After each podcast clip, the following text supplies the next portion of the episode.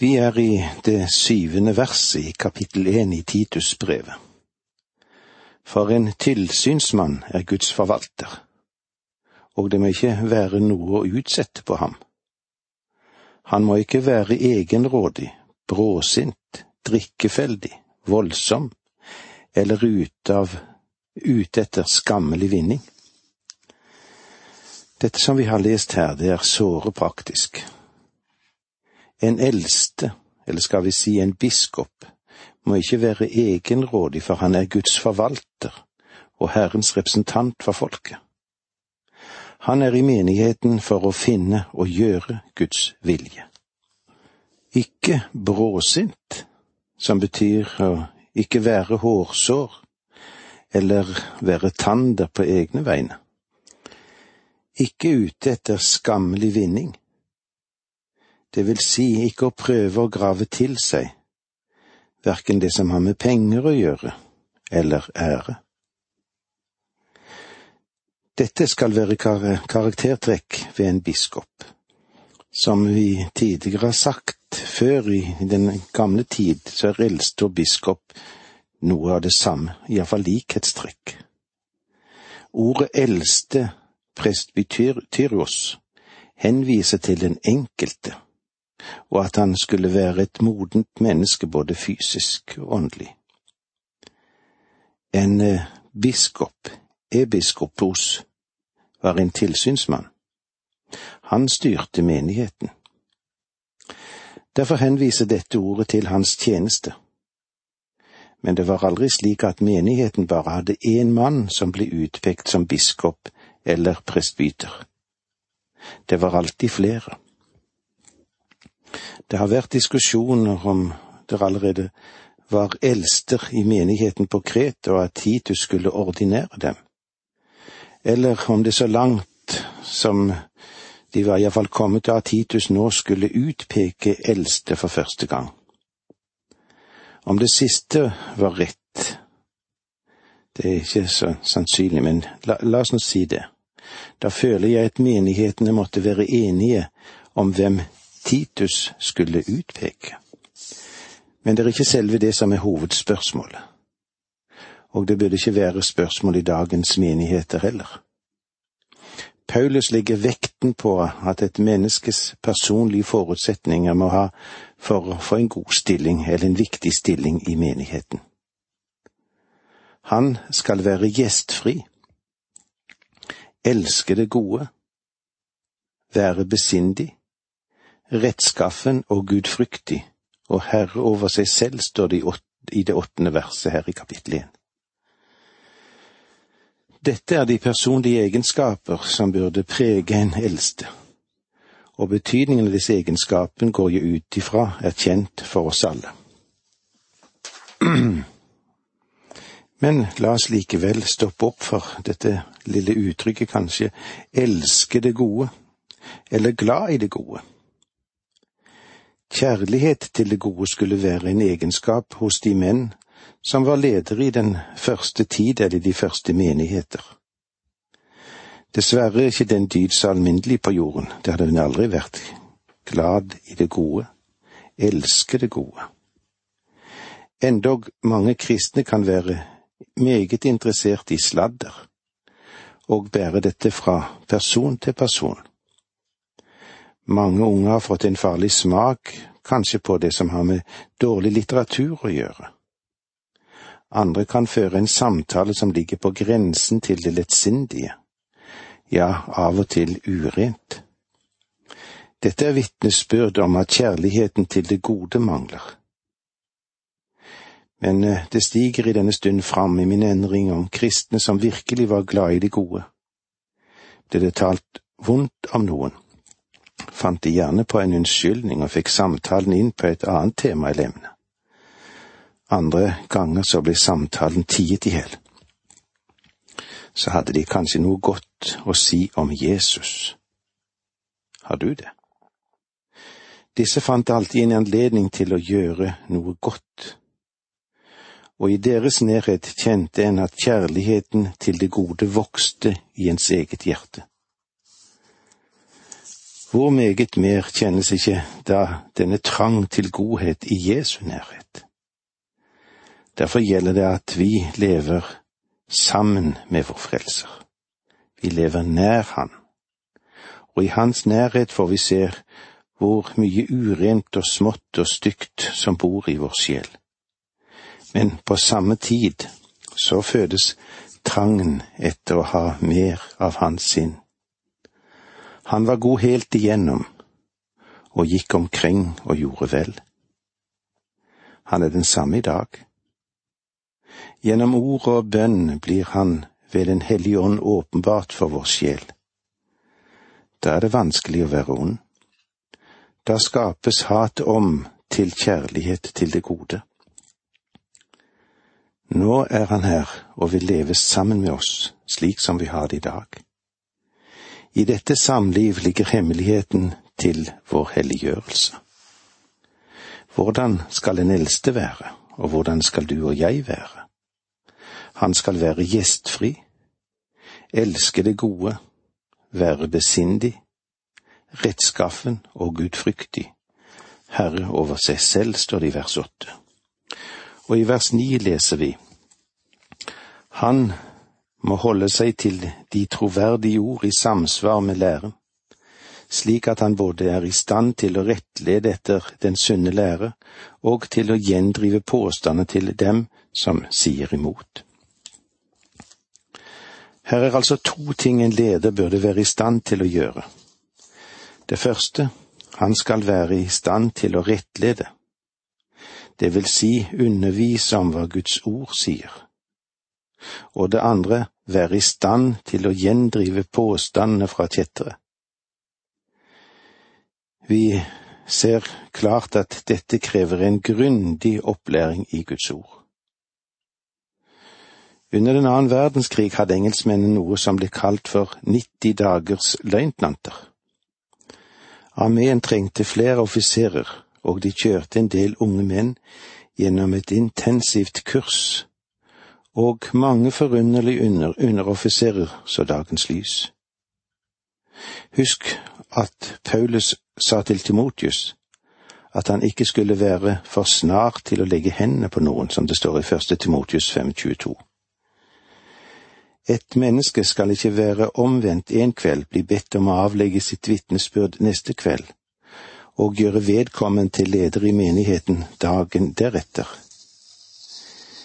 Bli en evangelist uken etter, og så gå løs på de teologiske studier første høst. Nå da skjer jo slike ting, men det vil i lengden virke uheldig på og for menigheten. Menighetens ledere må være i stand til å stå for Guds ord, og de må være i stand til å formidle dette videre. Vi vil nå se litt på kreternes dårlige rykte. Paulus fortsetter nå å snakke om det dårlige ryktet som kreterne har. Vi må huske at alle er syndere. Vi er alle søsken i den mening at vi alle er syndere. Vi er alle sammen Adams barn, og i Adam dør alle. Ja, hvorfor det? Jo, fordi alle har syndet. Men disse kreterne hadde et særlig dårlig rykte. La oss lese vers ti. For det er mange som ikke vil underordne seg, særlig blant de omskårne. De farer med tomt snakk og fører folk vill. De farer med tomt snakk. Det er dessverre mange ganger slik at vi kristne ikke er så forsiktige med munnen vår som vi burde være. Og det er forunderlig at vi, som det står i sangen, taler om vær og taler om vind. Og det meste praten går jo ut på det som vi kan kalle med et litt lite uttrykk tomt snakk, tomt språk. Det er fullt legitimt og riktig både å ha plass for den gode historie og ha et lyst og åpent sinn som gir uttrykk for det glade ord. Men det Paulus fordømmer her, er den stadige praten som ikke er noe annet enn tomme ord, og ikke er behagelig verken for Gud eller mennesker. La oss tenke igjennom dette, for det var så langt vi kom i dag, men eh, vi vil fortsette når vi møtes igjen neste gang. Takk for nå, må Gud være med deg. Dette undervisningsprogrammet består av to deler. Åge Nevland fortsetter nå med andre del av dagens undervisning. Vi er i Titusbrevet, i det første kapitlet, og vi ser hvordan det er med å innvie ledere til gode tjenere i Guds rike, og hvordan vi selv skal forholde oss til Guds ord. Og vi er innom nå kreterne, hvordan de hadde det, og det dårlige ryktet som de hadde. I vers ti leser vi i det første kapitlet. For det er mange som ikke vil underordne seg, særlig blant de omskårne. De farer med tomt snakk og fører folk vill. De farer med tomt snakk og fører folk vill, særlig blant de omskårne.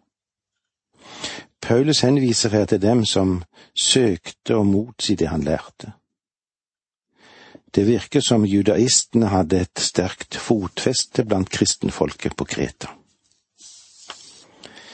I vers elleve Du må stoppe munnen på dem, for de fører ulykke over hele familier når de for egen vinnings skyld sprer sin forkastelige lære. De fører ulykke over hele familier, og det betyr at de satte familiemedlemmer opp mot hverandre. Dette var meget alvorlig. Der Guds ord blir forkynt, der kommer også djevelen inn. Han er en fiende og sår alltid ugress blant hveten. Det har jeg funnet ut er sant også gjennom den erfaring som jeg har fått etter hvert. Der du forsøker å gjøre Kristi gjerning, kan du være sikker på at det er noen som vil mistolke det, og kanskje motarbeide det du holder på med. På samme måte var det på Kreta. Kristi gjerning gikk frem blant folket, men fienden var på pletten med en gang for å så sin egen sæd vers tolv. En kreter, en av deres egne profeter, har sagt, Kreterne har alltid vært løgnere, arge villdyr, grådige og late. Arge villdyr, det betyr at kreterne var brutale og bestialske i sin måte å behandle andre på. Grådige, det betyr at de var fråtsere. Paulus synes ikke å være særlig hensynsfull her, eller hva synes nå du? Men dette er det ryktet de hadde i den romerske verden på Paulus sin tid.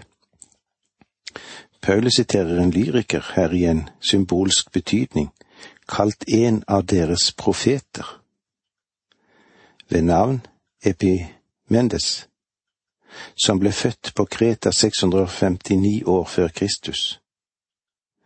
En annen av deres litterater skrev, Kreta, som har mer enn hundre byer, kan ikke fornekte at de har løgn som sin livsstil. Paulus sa, kreterne har alltid vært løgnere. Det betyr at alle som bodde på Kreta var løgnere noe mer enn når du sier at skottene er gjerrige og påholdne. Mange av dem er svært sjenerøse men det generelle inntrykket av kretene var at de hadde rykte på seg å være løgnere. Det vil si, du kunne ikke stole på det de sa. Det er utrolig hva Guds nåde kan gjøre, og gjorde blant folk på Kreta. De var løgnere, arge villdyr, grådige og late. Mange av dem vendte seg til Kristus, og så skjedde det, deres liv ble forvandlet vers 13 kapittel 1. Det han her sier er sant. Derfor skal du refse dem strengt, så de kan bli sunne i troen. Paulus ber altså Titus om å kjøre kreterne med noe strammere tøyler enn han ville ha gjort med andre folkegrupper. På grunn av den livsstil og de idealer som syntes å være fremherskende blant denne folkegruppen og det som lå i deres natur. Vers 14 De må ikke gi seg av med jødiske myter og bud, gitt av mennesker som har vendt seg bort fra sannheten. Ikke gi seg av med jødiske eventyr. Paulus henviser ikke bare her til legalismen, det vil si til lovtrelldommen. Rundt Moseloven vokste det frem en del skrifter som blant annet inkluderer Talmud og mange flere. Personlig har jeg ikke vært engasjert eller fordypt meg noe i de jødiske skriftene. Tiden har ikke tillatt det. Men hva hender du har gjort det? Bud gitt av mennesker som har vendt seg bort fra sannheten, den Herre Jesus refset de religiøse lederne fordi de la sine tradisjoner til Guds lov.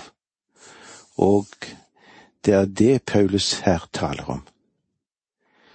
Legalismens lære ligger på to plan. Den ene er at du blir frelst ved loven, og den andre at du skal leve ved loven. Og begge disse forståelsene, de kan være ganske farlige, de. Vi blir frelst ved Guds nåde og er faktisk kalt til å leve på et høyere plan med de ti bud og det de, dette kan føre oss til. Gud ga de ti bud til et folk, og jeg er personlig av den oppfatning at de burde danne basis for etisk tenkning for alle sammen, for alle oss som lever på jorden i dag.